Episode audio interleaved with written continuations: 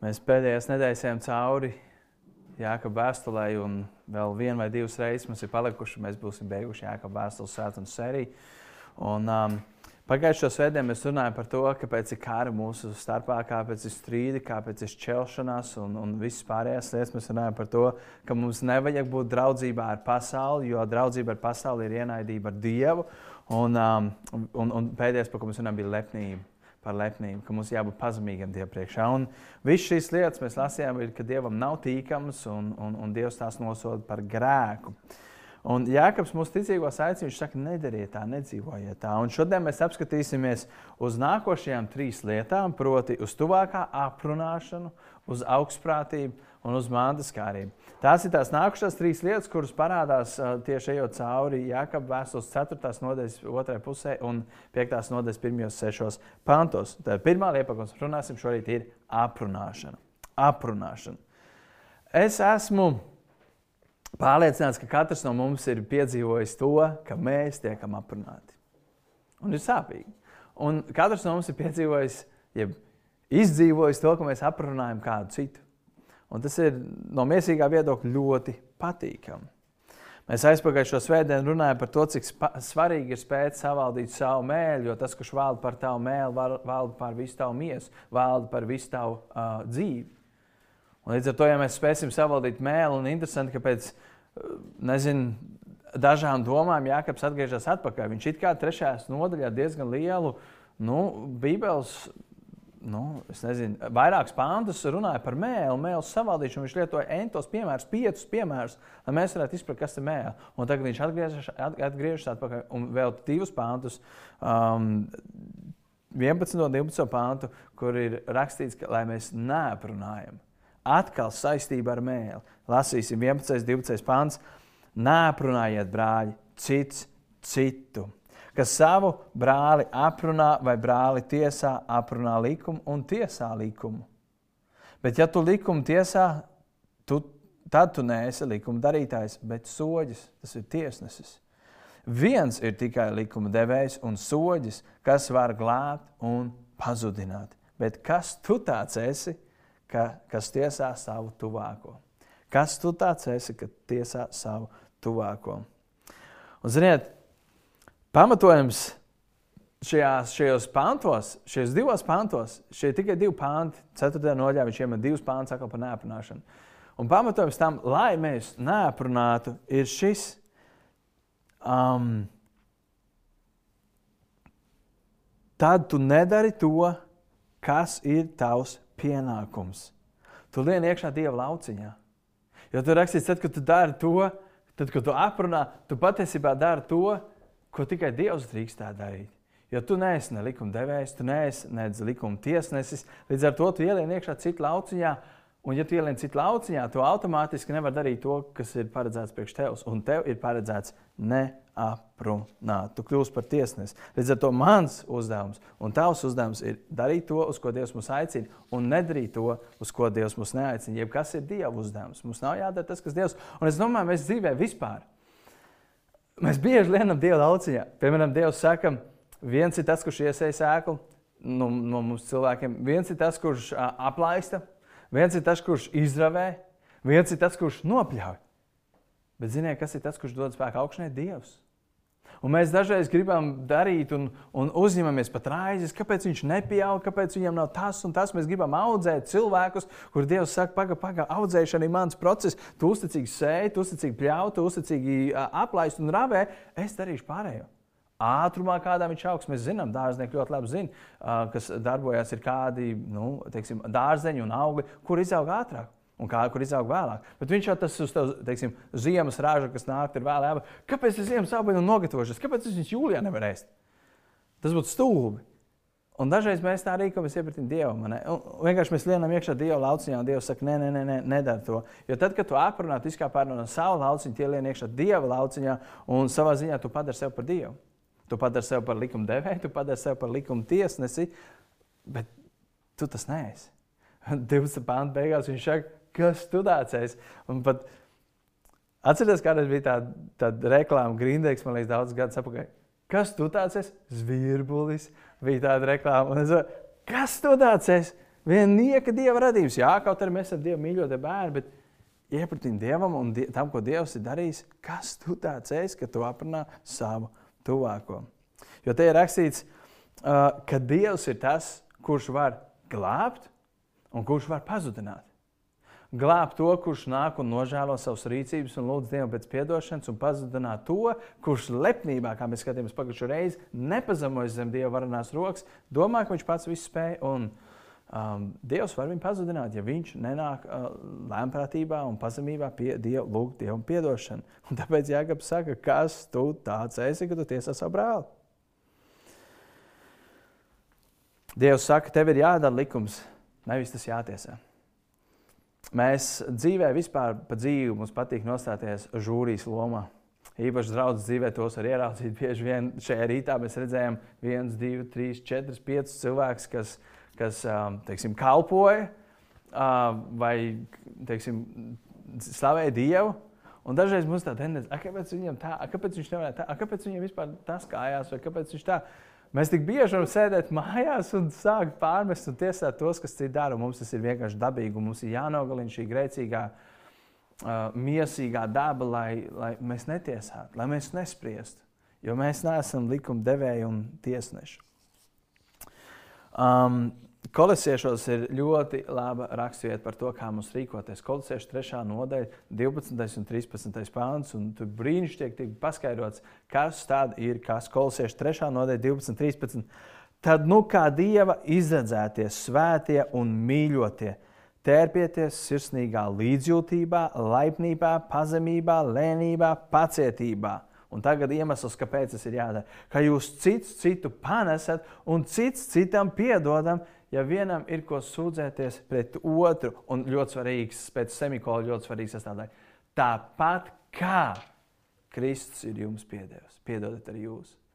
Un, un šī otra daļa, cits citu panesat, un cits citam piedodat, ja kādam ir par ko sūdzēties, tāpat kā Kristus ir piedevis jums. Un es domāju, tas ir princips, kas šeit parādās. Šeit tiek parādīts rīcības plāns, arī situācija, kad mēs gribam kādu aprunāt. Ja tu gribi kādu aprunāt, nē, nē, panesiet citu citu. Ja tu gribi kādu aprunāt, te kaut ko sliktu, piedod viņam. Piedodiet viņam, tāpat kā Kristus tev ir piedevis. Un, un te ir rakstīts, ja kādam ir pret ko sūdzēties, citu citu panesiet, citu citam piedodiet. Un, kā jau es teicu, tā atslēga šajā rakstā ir tā, tāpat kā Kristus jums ir piedevis. Un es domāju, iemesls, kāpēc mums ir ārkārtīgi grūti šo rakstīt, piepildīt, nav tavis, nevis tāpēc, ka mums ir ļoti grūti saprast, kas ir rakstīts, bet tāpēc, ka mēs neesam satvēruši, ko tad Kristus mums ir piedevis.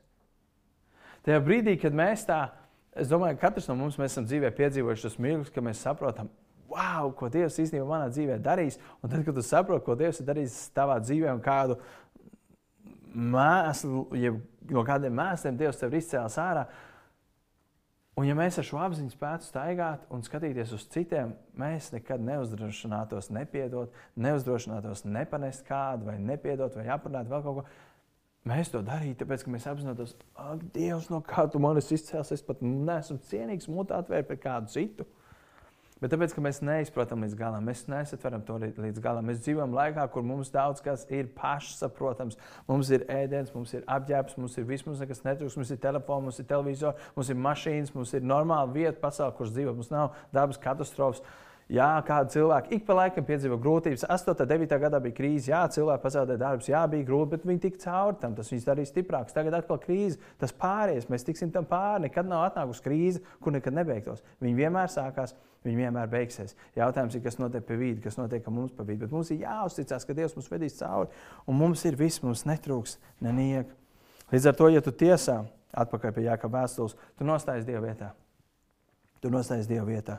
Un kolosiešu teiks, bet Jēzus mums ir piedevis. Un tas parāda tikai par to, ka, ja mēs nostājamies par tiesātāju un soģi, tad mums vajadzētu tikai brīdi paspēlēsimies, paspēlēsimies, paspēlēsimies ar vārdu spēli. Un, viņš, bet, nu, ja jūs tik ļoti, ļoti gribat aprunāt kādu, un tu gribi nostāties kādā dieva vietā un aprunāt dieva vietā, zini, kas tev jādara? Tas, ko kolosieši teica, tāpat kā Kristus ir piedevis. Līdz ar to vienā veidā vai otrā veidā mums nekad nav tiesības kādu aprunāt. Jo, ja kā cilvēki mēs esam, mēs nedrīkstam to darīt. Mēs mm, tur aicināts nedara to, jo tas nav tavs pienākums. Ok, tos nedrīkst darīt. Bet, ja es gribu nostāties Dieva vietā, nu, ja tu gribi nostāties Dieva vietā, tad skaties, kas tev jādara. Piedodiet citam, un panesiet citu, citu tāpat kā Kristus ir panesis mūsu un piedevis mums. Līdz ar to grozies, kā tu gribi. Nostāties vai nenostāties Dieva vietā, tev ir jāpiedod. Tev ir jāpanes. Un tās rakstītas, man liekas, brīnišķīgi izskaidro. Un, un, un, un, un skatieties, kāpēc? Tāpēc, ka Jēzus tā darīja. Viņš aicina mums rīkoties tāpatās. Un tad jautājums, kā lai es to izdaru? Kā lai es spēju izdarīt to, ko Jēzus ir izdarījis? Un kolēģis 12. 3. nodaļas 12. pantā bija rakstīts, tur bija rakstīts, tērpieties sirsnīgā līdzjūtībā. Tātad mums būs grūti neaprunāt, ja mums nebūs sirsnīga līdzjūtība. Mēs varam iejusties tajā otrā cilvēkā un sirsnīgā, pazemīgā, dievbijīgā līdzjūtībā iejusties viņa pozīcijā. Tālāk ir rakstīts laipnībā. Tad, kad mēs esam laipni viens pret otru, izrādām laipnību viens pret otru, mēs neaprunājam. Ja mēs būtu laipni pret visiem cilvēkiem, mēs neaprunājam. Tālāk ir rakstīts pazemībā. Ja mums būtu pazemība Dievam un cilvēku priekšā, mēs kā citā vietā rakstīts, viens otru uzskatīt augstāk par otru, mēs neaprunājam, jo mēs būtu pazemībā, mēs atrastos pazemībā. Tālāk rakstīts lēnībā. Lēnība ir ļoti īpašība, kas šajā laikā mums daudziem pietrūks. Tāpēc, ka mums ir viss tagad uzreiz, tagad uzreiz, uzreiz, uzreiz. Mēs visi gribam uz sitienu. Un tas ir laiks, kurā mēs dzīvojam. Mēs gribam pāriest, mēs ieskanam, paņemam hezburgeru, un mums pēc divu minūtu ir gatavs hezburgers. Mēs esam pieraduši visu dabūt ātri, un šeit rakstīts lēnībā. Un tā ir viena no īpašībām, kur es gribētu savā dzīvē piedzīvot, kad Dievs dod vairāk lēnību, vairāk lēmprātības, kad Pirms tu izsaki tos vārdus, kā mēs runājām aizpagājušajā reizē, pirms tu izsaki ārā, padomā, vai tā būs dzīvība, kas iznāks, vai tā būs nāve, kas iznāks, vai tas cels otru cilvēku, vai tas grauz otru cilvēku. Un pēdējā lieta, kas tur rakstīta, pacietībā. Mums dažreiz trūks pacietības, un tāpēc mēs aprunājam. Trūks pacietības un runājam slikti par savu tuvāko. Bet, ja mums būtu šī sirsnīgā līdzjūtība, laipnība, pazemība, lēnība, lēmprātība un pa, uh, pacietība, tad mēs spētu citu, citu panest un citu citam piedot. Un kā minimums mēs neaprunātu. Un tāpēc es gribu jautāt, kā ir ar tavu dzīvi un kā ir tavā dzīvē?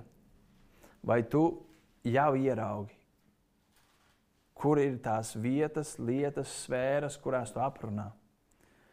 kurās tu nespēji panest, kurās tu nespēji piedot. Bet tieši vairāk to aprunāšanu. Kas ir tā vieta, kur tu aprunā? Varbūt tas, tas ir tavā ģimenē. Ziniet, ģimenē vienmēr teiks, viens ir tas neglītais pīlēns, manē, kur, kurš vienmēr tiek aprunāts. Varbūt tas esi tu, varbūt tas, ir kāds cits. Bet jūs ģimenē vienmēr konstanti kāds, kurš tiek aprunāts. Vai varbūt tas ir darbā. Vai tas būtu boss, vai tas būtu priekšnieks, vai tas būtu kāds darba kolēģis, varbūt tās netieši darba kolēģis, kur tu aprunā, kurš man vienmēr dara kaut ko. Manē.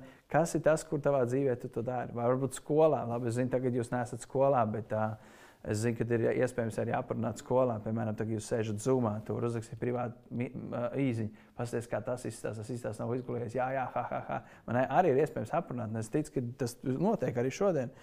Um, un tas notiek arī draudzē, diemžēl. Tas notiek arī draudzē. Diemžēl, kad mēs aprunājam viens otru, mums nepatīk, ko viņš izdarīja, nepatīk, kā viņš izskatās, nepatīk, kā viņš apģērbās, nepatīk, nepatīk kā viņš pateica kaut ko. Mēs kaut ko pārpratām, sajūtāmies ne tā, vai mēs varam ne, aprunāt savu kalpošanas vadītāju, pateikt, jā, bet redz, viņš tur tā saka, šitā tenā, pasies, ko viņš pats tur nedara, vēl kaut ko. Mēs atrasim simts veidus, kā aprunāt. Tieši tāpēc mēs varam aprunāt mācītāju. Mēs varam teikt, zini, kāpēc viņš nedara tā, viņam vajadzētu darīt tā. Un mēs vienmēr esam baigi gudrinieki. Mums vienmēr liekas, ka es zinu labāk un vajadzētu šitā darīt. Līdz brīdim, kad mēs iekam, iekāpjam tajās kurpēs. Es varu atzīties vienā milzīgā grēkā. es varētu teikt, ka um, man ir attaisnojums tam. Un es savā dzīvē esmu aprunājis savu mācītāju, ka mēs dzīvojam īrijā. Mēs uh, pārvācāmies dzīvot Lienu citu baznīcu. Un, uh, Un tas mācītājs bija viens no tiem, man gribās attaisnoties, bišķi, bet tam nav attaisnojuma. Viens no tiem, kam vienmēr ir taisnība, vienalga, ko teiks, viņam vienmēr ir taisnība. Un, un, un, un es zinu, ka tā bija kāda reize, kad mēs bijām aizbraukuši uz Ameriku, mēs ar kādu citu ģimeni, viņas, nu, es atceros to reizi, kad mēs bijām, es biju viņu mājās, viņi nebija, mēs viņus aprunājām. Un, un es pēc tam atskatos atpakaļ, es um, domāju, pats ir tik pretīgi, ka kaut ko tādu var darīt. Un es uzreiz domāju, jā, bet Mēs toreiz bijām jauni, knapi atgriezušies un, un, un tam līdzīgi. Bet tam nav attaisnojums. Es domāju, cik viegli ir aprunāt arī savu mācītāju. Palēnām tas bija tā, kāpēc viņš nedara tā, viņam vajadzētu tā darīt, kāpēc viņš to un to un šito. Mēs vienmēr varam atrast iemeslus, kur pārmest. Es domāju, bet tu jau neesi Dievs, tu nedrīkst tiesāt, tev ir jāpiedod, tev ir jāpanes. Un Ja tev kaut kas nepatīk, lūdzu par viņu. Un bieži vien mēs ieraudzīsim to, ka nevis viņš tiks mainīts, bet man attieksme tiks mainīta. Jo es domāju, ja mācītājs atbilstu katram draugu loceklim, katrs draugs loceklis varētu pateikt, jā, tas ir perfektais mācītājs, tad kaut kas ar viņu nebūtu kārtībā. Jo nav iespējams visiem izdevāt. Vienmēr, un jo draugs aug lielāk, jo prasības mainās un vispārējais. Līdz ar to mēs visi varam aprunāt jebko, ko mēs gribam. Jebko, ko mēs gribam. Un vienkārši Jānis saka, neesiet likuma aprunātāji, jeb tiesātāji. Un šeit būs daži jautājumi, kas iedod tev dažus jautājumus, kurus tu vari uzdot pats sev.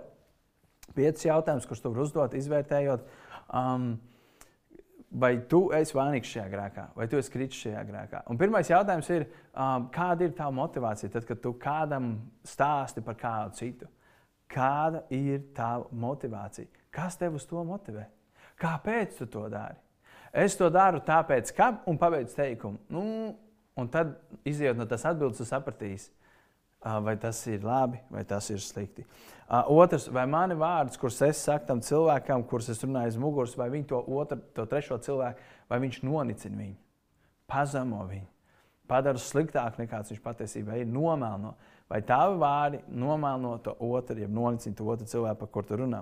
Trešais, vai šī persona, kurai es to stāstu, uh, ienesīs gudrību un risinājumu šajā situācijā. Jo dažreiz ir ok, aiziet pie trešās personas un teikt, ka ir tāda situācija, ko man darīt, kā man rīkoties.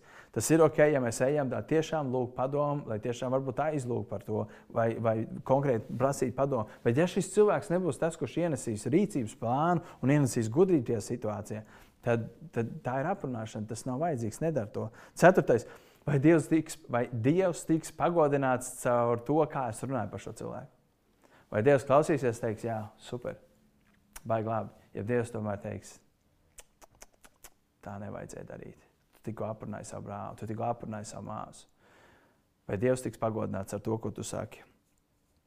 Un piektais, kas iet kopā palielinām ar otro punktu, vai tas ceļš? Vai tagad runās, vai tas cels viņu, vai tas pacels augstāk, teiks, viņš tāds malecis, kā viņš to izdarīja. Ne? Vai tas cels viņu, jeb otrādi tā cilvēka, ar kuru aprunā, tā acīs šis cilvēks tiks pazemināts. Un es zinu to, ka um, cik bieži mēs dažreiz dzirdam kaut ko par kādu, kas izmaina manu vai tā cilvēka vienalga attieksmi pret to trešo, tikai tāpēc, ka kaut kāds vidējs cilvēks man kaut ko par viņu pateica. Un patiesībā tā nav taisnība. Varbūt tas tur ir tikai viena puse. Mēs pieņemam, ka absolūti patiesība to, ko viņš pasaka. Mūsu domas mainās par trešo cilvēku, izjūt no tā, ko mums pateica otrais cilvēks. Līdz ar to šie ir jautājumi, kurus mēs varam uzdot, lai ieraudzītu, um, vai mēs uh, krītam šajā grēkā vai nē. Jo Jēkabs teica, kas tu tāds esi, kad tu tiesā savu brāli. Um,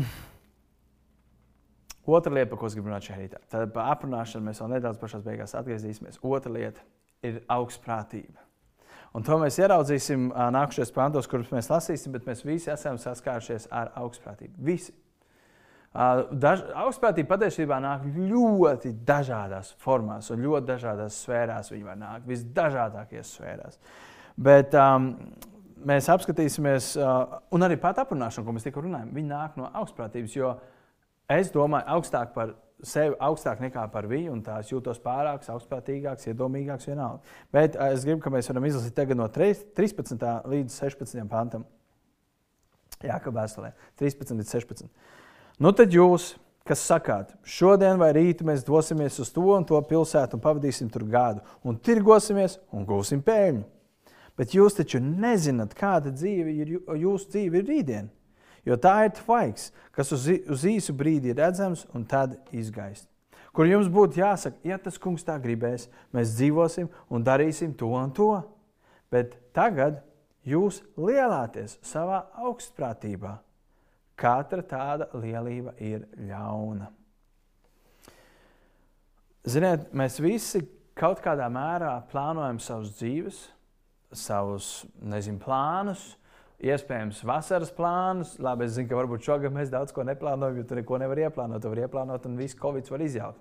Bet par lielam, tā kā mēs dzīvojam, pirms Covid laika mums bija viss skaidrs. Jā, mēs zinām, mēs katru gadu esam braukuši atvaļinājumā, braukuši tur, mēs to darīsim. Vai es vienmēr esmu meklējis iespējas, kā vairāk nopelnīt to, to, to. to. Mēs plānojam, es, plānoju savu ikdienu, es gribu izdarīt to, to, to. to. Mēs plānojam. Un, un pa, pat plānošana pat par sevi patiesībā nav slikta. Patiesībā viņi ir ieteicami, jo ir svarīgi, ka mēs varam plānot savus dzīves, lai mēs mēs darītu to, kas ir svarīgs, nevis to, kas ir steidzams, lai mēs darītu to, kas ir svarīgs un ne, ne, netērētu savu laiku uz mazāk svarīgām lietām, kuras var pagaidīt. Un kā rezultātā bieži vien sanāk, ka mēs darām mazsvarīgās lietas un svarīgās lietas mēs nepaspējam izdarīt. Bet Rēkaps šeit runā par tādu plānošanu, kur Dievs tiek atstāts laukā, par plānošanu, kas ir balstīta biznesā, peļņas gūšanā, miesas kārībās, mantā un savu labumu gūšanā. Par tādu plānošanu. Bet nevis, lai mēs meklētu Dievu prātu, kā piemēram Mateviņģēlē 6.30, ne, jā, 6.33 rakstīts, bet dzenieties pa priekšu pēc Dieva valstības un viņa taisnības.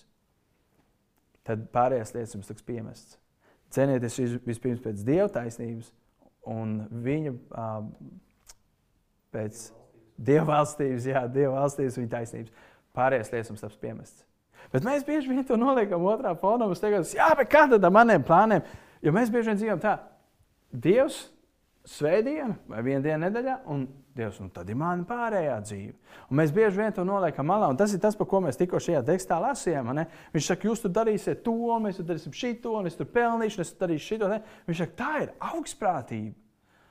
Un redz, es saku vēlreiz, Man kā mācītājiem runājot no priekšas, dažreiz ir ļoti grūti, jo katrs atrodas dažādās situācijās, un jūs to bieži vien pārpratat. Un kāda ir tā, un iespējams, jūsu dzīve ir laba, un jūs domājat, ko tad vēl darīt, ko tad es vispār vairs neko nevaru. Tas nav tas, ko es saku. Runa ir par to, ka mēs nereti no saviem plāniem, plāniem izslēdzam ārā Dievu. Tur nav dieva vājīga meklēšana, tur nav dieva gribas meklēšana, tur nav dieva vājīga meklēšana, tur nav dieva valstības meklēšana, un tur nav dieva taisnības meklēšana. Ja mēs nedzinamies pakaļ ar cēlu dievu valstību, un, un, un viņa taisnība, tad, tad Dievs saka, ok, viņš saka saviem mīļajiem, es maizīt dod miegā, bet jums? Jūs gribat skriet pakaļ visām tām lietām, skrieniem, bet tā ir augstprātība. Tā ir augstprātība, ka tu iedomājies, ka tu spēsi pats kaut ko izdarīt. 14. pāntā ir teikts, jūs taču nezināt, kāda dzīve ir uh, rītdiena, jo tā ir tvaiks, kas uz īsu brīdi ir redzams un tad izskaisti. Jūs esat kādreiz izgājuši augstā laikā un um, un, un, un izpūtas dvāšu. Arī man dvāša aizlaiž. Divas, trīs sekundes viņas nav. Bet jau pa gaisu no jauna izpūta ārā, o, reko, atkal man dvāša ir. Un tieši tāpat tas ir mūsu dzīve. Mēs teikam, nē, nē, man dzīve ir gara 70, 80, 90, citam pat 100 gadi. Jā, jā, viss kārtībā, pēc cilvēka mērauklis, jā. Bet ne pēc dieva acīm un ne pēc mūžības mērauklis. Mūžības gaismā mūsu dzīve ir kāda vaša. Tas tas, ko Jānis saka. Uz divām sekundēm viņas pazūd. Tik īsi ir dzīve salīdzinot ar mūžīgo dzīvību. Un jūs visu savu dzīvi plānojat, kā te ir rakstīts, ne, mēs, mēs um, šodien un rīt mēs dosimies uz to un to pilsētu, un mēs tur pavadīsim tik ilgi, un tirgosimies un gūsim peļņu. Bet viņš saka, bet tu taču nezini, kas būs rītdien. Tu nezini. Un es domāju, viens no iemesliem, kāpēc mums ir jāpaļaujas uz Dievu savā dzīvē, savā plānošanā, ir tas, ka tu nezini, kas būs rītdien. Es atceros, es to liecību stāstīju vairāk, kā, bet man viņa tā stiprina pagājušo gadu. Pagājušo gadu šajā laikā mēs spēcīgi lūdzām par to, lai Dievs mums dod telpas, jo šīs konkrētās telpas, kuras šodien stāv, es nezinu, kā tas būtu 70 cilvēki salikt. Tagad liekas, mēs, kad esam savētām, liekas, ka mēs jau berzējamies, nu, 5, 6 cilvēki, kad esam. Mēs šeit nācām 60, 70 cilvēku kopā. Pat pa simt mēs esam bijuši. Es nezinu, kāds notiek. Bet mēs lūdzām gadu atpakaļ. Šajā laikā mēs lūdzām, Dievs dod mums tāps, jo 15. martā bija paredzēts, ka ieldos iekšā 30 amerikāņi. Un mēs taisīsim nometni, un mēs rīkosim nometni, un viss būs rītīgi labi, un mēs aizsniegsim jaunus cilvēkus. Un 14. Nē, 12. martā Amerikā izdeva likumu nekāda izlidošanas no valsts, un 14. martā tā bija sestdiena pateicis, nekāda dievkalpojuma nenotiek. Un tajā brīdī bija tā, Dievs, kāpēc tu mums, kādā apakaļ es ticēju, es jau šaubies, un likās, nedēļas laikā mēs telpas atradīsim. Un likās, Dievs, kāpēc tu nedod mums telpas? Un Dievs saka, nu, vispār pēc dažām dienām kaut kas notiks. Bet viņš neteica, kas. Viņš vienkārši teica, nu, zin, jums nevajadzēs telpas. Protams, ja man būtu pateicis, tiem jums telpas nevajadzēs, es domāju, šāk Dievs, es nosītīšos vai baznīca nomirs, paraušana nāks, kas notiks. Atnāca pandēmija. Visi plāni izjuka.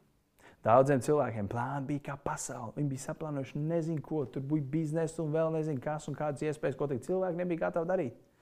Vienā dienā viss apstājas. Es domāju par Olimpiskajām spēlēm pagājušajā gadā. Tas bija paredzēts vasarā, nezinu, Tokijā vai kur tur kaut kur Āzijas tajā galā. Um, bija iespējams iesaistīt eh, tūkstošiem brīvprātīgo un darbinieku un, un, un, un vēl visādi cilvēki, kas plānoja. Tur bija pilsētas uzceltas un viesnīcas uzceltas, un kas tur tik nebija. Miljardi, iespējams, pat triljoni, es nezinu, miljardi iztērēt priekš visā pasākuma. Un te vienā dienā nebūs. Un es domāju, daudziem cilvēkiem tas bija vienkārši tie, kas bija varbūt finanses guldījuši, vēl kaut ko ielikuši visu savu darbu, vienkārši visu nobijis. Tas darījis, tas nav bijis nekam derīgs. Un tāpēc ir rakstīts, uzticies. Nesaka, ka tur ir tiesa un pelnījis. Bet uzticies Dievam, Dievs, ja tā ir tava griba. Jo mēs esam pieraduši tā.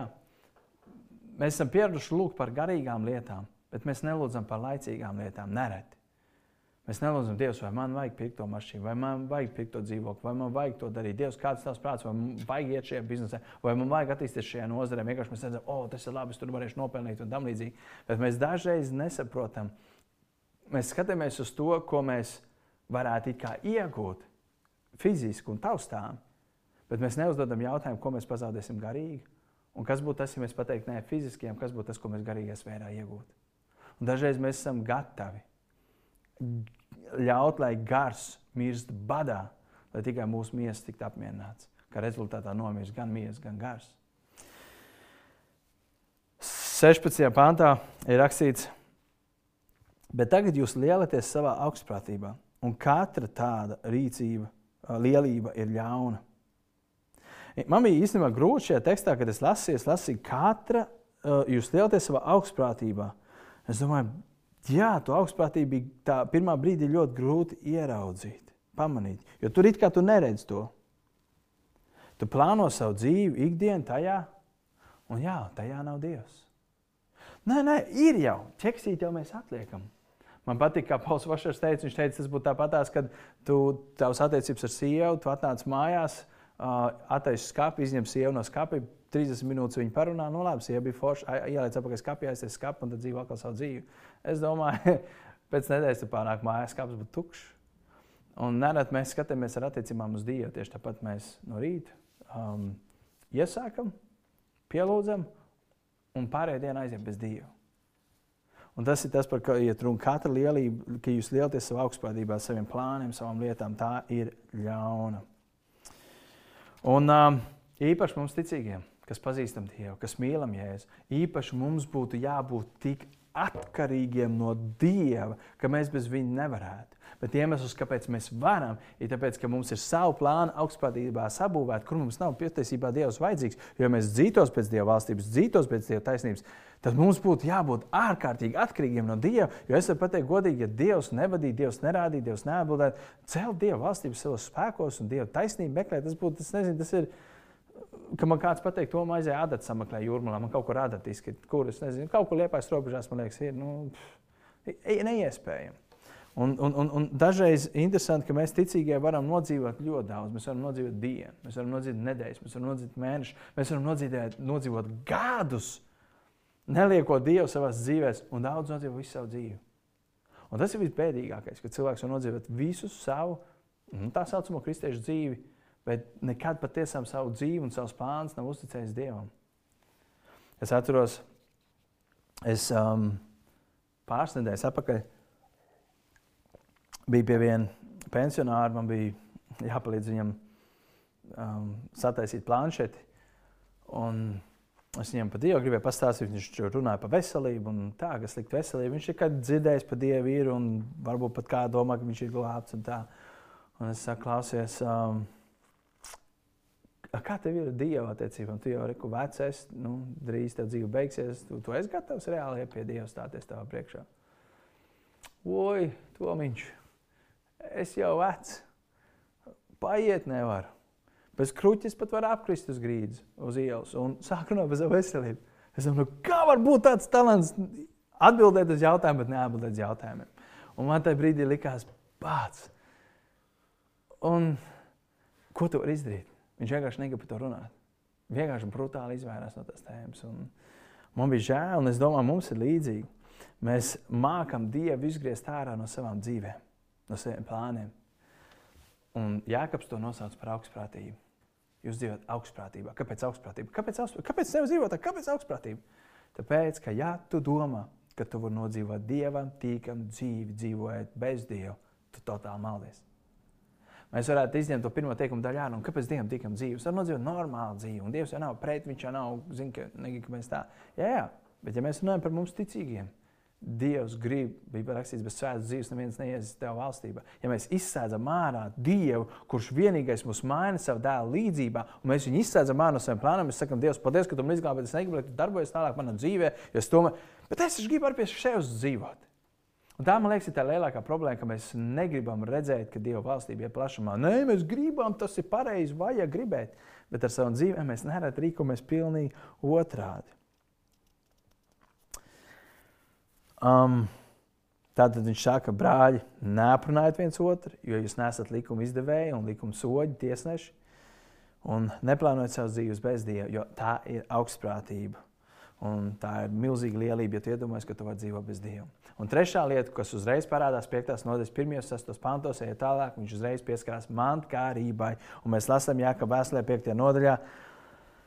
Nu tad, bagātnieki, raudiet un vainojiet par tām nelaimēm, kas jums nāk virsū. Jūsu bagātība ir sapuvusi, jūsu drēbes ir kodas sēdušas, jūsu zelts un sudrabs ir sarūsējis, un viņu rūsa būs jums par liecību un sēdīs jūsu miesas kā uguns. Jūs esat sev mantas krājuši pēdējās dienās. Raugi, alga atrauda strādniekam, kas ir nopļāvuši jūsu laukus. Brēts un pļāvēji saucieni sasnieguši tā kunga cēba ota ausis. Jūs esat virs zemes dzīvojuši kārumām baudās. Jūs esat savus sirdis barojuši kaujamai dienai. Jūs esat pazudinājuši un nokāvuši taisno. Viņš jums nepretojās. Mēs šajā vietā ieraugam to, ir vesels stāsts par to, ko viņš saka, nu tā raudiet un vainojat bagātnieki. Jo viņi dzīvo baudās un priekos, viņiem nav bēdas, viņi dzīvo labi, zaļi, kā mēs sakām, astes kuldam, viņiem viss ir kārtībā. Bet patiesībā viņš saka, bet raudiet un vainojiet. Tur nav ko priecāties. Un labi, un šeit atkal man ir Ko tad nozīmē, es kā ticīgs cilvēks nevaru būt bagāts? Nu, vari būt bagāts, viss ir kārtībā. Bībelē nekad nesaka, ka nevar būt bagāts. Vecā darbā īpaši bagātība ir svētība no Dieva. Bet tā problēma ir tāda, tad, kad mēs sākam dzīvoties pēc bagātības, nevis pēc dieva valstības. Jo, ja tu esi svētīts Dievu, tāpēc, ka tu dzīvies pakaļ dieva valstībā un Dievs tevi svētī, tad viss ir kārtībā. Bet, ja tu sāc paliec bagāts, tāpēc, ka tu, tu paliec bagāts uz dieva valstības rēķina, Tas ir ļoti slikti. Ja tu paliec bagāts uz Dieva valstības rēķina, kas nozīmē, ka priekš Dievu tu dari tik, vienalga, ko nozīmē tas dari. Tas iekļauj tavu laiku ar Dievu, kalpošanu, Bībeles lasīšanu. Priekš Dievu tu dari tik, un tad tik tu dari priekš pasaules valstības, priekš savas celšanas, dzīvojot augstspējībā bez Dieva. Un tas palīdz bagāts ar rezultātu. Tas ir slikti. Bet es gribu uzreiz, pirms es vēl biju izskaidrot dziļāk šo, jo patiesībā es teiktu, ka Jēkabs, Jēkabs vēstule Jākabā nāk pēc evaņģēliem. Un es gribētu teikt, ka viņš patiesībā atbild uz Jēzus Kristus teikto. Ja paskatāmies, ko Jēzus teica tieši par šo pašu lietu Mateja evaņģēlijā, 6. nodaļā, no 19 līdz 20 pantam, Mateja 6, 19 līdz 20, Jēzus uh, saka tādus vārdus: Nekrājiet sev mantas virs zemes, kur kodas un rūstās maitā, un kur zāģi roka un zogi.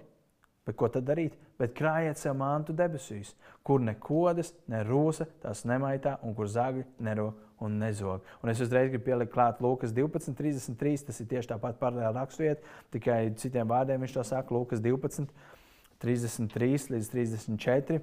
Ja es saku tā, pārdodiet savu īpašumu un izdaliet to nabagiem. Gādājiet sev naudas makus, kas nepaliek veci, neizsīkstošu mantu debesīs kur zaglis nevar piekļūt un ko kodas nevar maitāt. Jo kur jūsu manta, tur būs arī jūsu sirds. Es domāju, cik interesanti. Jēzus īstenībā šīs lietas saliek kopā. Viņš Matejam saka, tā, Lūks, evanģēliem saka nedaudz savādākiem vārdiem. Viņš saka, un Jākaps saka, tā, nu, kur tad ir tā? Jo tā sajūta ir tāda, ka Jēzus ir runājis uz cilvēkiem, vienkārši tā, tā doma, vienkārši, nu, tas pat nav konteksts, vienkārši paspēlēties līdzi tam domām. Un šeit ir kādi, kas, ņem, piemēram, nav ņēmuši vērā Jēzus teiktos vārdus. Viņi ir tomēr krājuši manas seitu uz zemes, viņi ir krājuši tur bagātības un vēl nezinu ko. ko. Tad, kad Jānis, piemēram, raksta, cik gadi jau ir pagājuši, un es vienā dienā gāju, un es, es jau to vairāk kārt stāstīju, es domāju, tā īstenībā ir. Tu tagad skaties uz krūtākā mašīnu, tad brauc kaut kāds jauns Audi džips, ej, nos, kas pa mašīnu. Un tad pabrauc garām vecais Audi, ka tad, kad es biju jauns, tas bija, wow, tev ir muciņa, vai kā tur to sauc, tev ir tas krūtais auģis. Kādu dienu pēc 30 gadiem, ja es piedāvāšu savām puikām, piemēram, gribat šo jaunu Audi Q8, piemēram, pirkt, tad, nu, on, kurš tādu vecu mašīnu grib pirkt? Un cilvēki ir krājuši mantu, un tas, ko Jānis šeit, 5. nodaļas 3. pāntā saka, um, jūs esat krājuši savu mantu pēdējās dienās. Ziniet, daudz teologu un praviešu, un daudz no mums domājam, to, ka jā, mēs tiešām laikam esam tajās pēdējās dienās. Es ar to nedomāju, jo interesanti. Ka Jēzus saka, Jēkabs saka, pirmajā gadsimtā jūs esat sev krājuši mantas pēdējās dienās. Pagājuši jau gandrīz 2000 gadi ir, un viņi joprojām ir pēdējās dienas. Jā, vecā derība, jaunā derība un pēc jaunās derības laikmets saucās pēdējās dienas. Visas šīs ir pēdējās dienas. Un kā, varbūt tās mēs kā pasaule dzīvojam pēdējās dienās. Viss notikums, tas viņš kaut kur eskalējās uz to, ka viņš tajā virzienā virzās. Jebkurā gadījumā viņš virzās tajā virzienā. To mēs zinām droši. Um, un, un 4. un 6. pāns atklāja, kā viņi ir palikuši bagāti. Uh, konkrēti šie cilvēki. Viņš saka, proti, jūs esat atrāvuši algu tiem, kas pie jums strādāja, un tā jūs esat kļuvuši bagāti dzīvodam kārībās. kārībās. Un tā kunga saucieni, un tā, tie, kas ir to strādnieku saucieni, brēc un sauc un ir sasnieguši dieva ausis. Es, protams, gribētu, ka neviens no mums, ticīgiem īpaši, nebūtu vai nenonāktu vietā, kur mums ir jāsaka, jā, es esmu atrāvis algu kādam, jā, es esmu paņēmis prom no kāda. Un, um, un tāpēc viņi saucieni sauc uz Dievu. Bet es gribu arī bišķiņi iedot iedrošinājumu. Es esmu pēdējā laikā dzirdējis pāris lietas, uh, gadījumus, atsevišķus gadījumus, kur cilvēki nav saņēmuši algu par savu padarīto darbu. Es arī to, to savā dzīvē esmu nedaudz piedzīvojis, un daudz cilvēku, kuriem tur runā, kuri strādājuši teiksim, 90. gados, to ir piedzīvojuši gandrīz visi, ka tu izdarīji darbu un tev nesamaksāja. Un, un tā pirmā lieta, ir, ko gribās darīt, protams, sirdī nosodīt, tu sāk veidoties naids, rūkums, aprunāšana, viss tas, par ko mēs jau esam runājuši. Bet tā ir rakstīts tā, ka viņu saucieni ir sasnieguši un brēc uz tā kunga ausīm. Es domāju, patiesībā, ja mēs spētu, tas ir tik grūti, bet ja mēs spētu nolikt to aizvainojumu malā un saukt uz Dievu, brēkt uz Dievu, tur rakstīts Dievs. Mēs lasījām par aprunāšanu, Dievs ir tiesnesis, Viņš ir likuma taisītājs. Tad Dievs saka, tās tie brēcieni sasnieguši mans ausis. Dievs gādās, Dievs parūpēsies.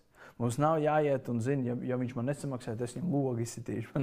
nu, tā bērnišķīgi, lai tev arī vismaz kaut kāda zaudējuma ir. Tas ir bērnišķīgi. Nē, sauc uz Dievu. Bībelē rakstīts, ka viņš savam svētiem neliks um, bez maizes palikt. Nekad.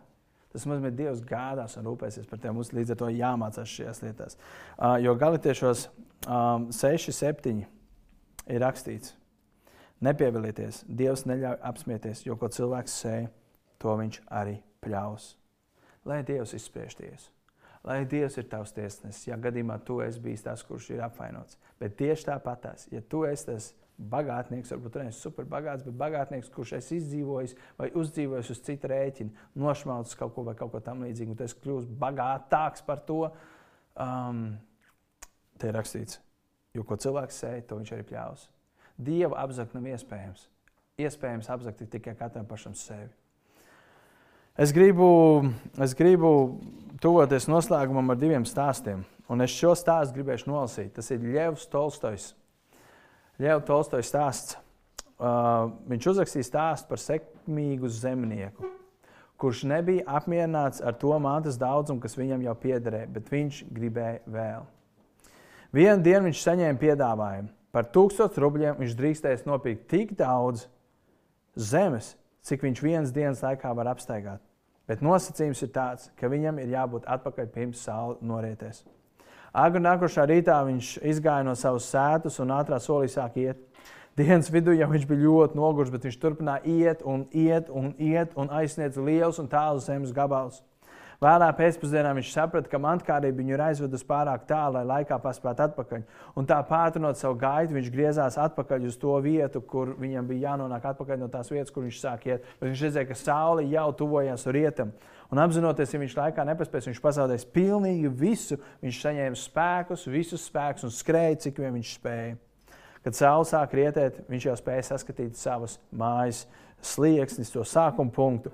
Knapi jāsodams ar visiem atlikušiem spēkiem viņš saņēmās un skrēja uz finišu taisnu un sasniedz. Viņš paspēja laikā. Bet nokrits pie zemes aiz finiša līnijas, elsodams, pa viņa mutā plūst asins laukā. Un pēc dažām minūtēm viņš ir apstājis, viņš nomira. Vēlāk viņa kalps izraka kapu. Tas nebija dziļāks par diviem metriem, garumā, ne garāks par diviem metriem, arī un platumā ne vairāk par metru. Šī ļeva Tolsteja stāsta virsraksts bija, cik daudz zemes ir nepieciešams vienam cilvēkam. Mēs gribam aizsniegt visas zemes tautas. Mēs gribam vairāk šito, vairāk šito, vairāk šito. Bet viss, ko mēs katrs saņemsim, ko mūsu miesa saņems, būs divi metri dziļi bedra, divi metri garumā, metru platumā. Tas ir viss, kas mums ir vajadzīgs. Lai mantas kārība mūs neaizved pārāk tālu, ka mēs nomirstam bez Dieva, nomirstam bez, bez, bez tā, kas patiesībā bija svarīgs. Lai mums nenotiek kā šim zemniekam. Um,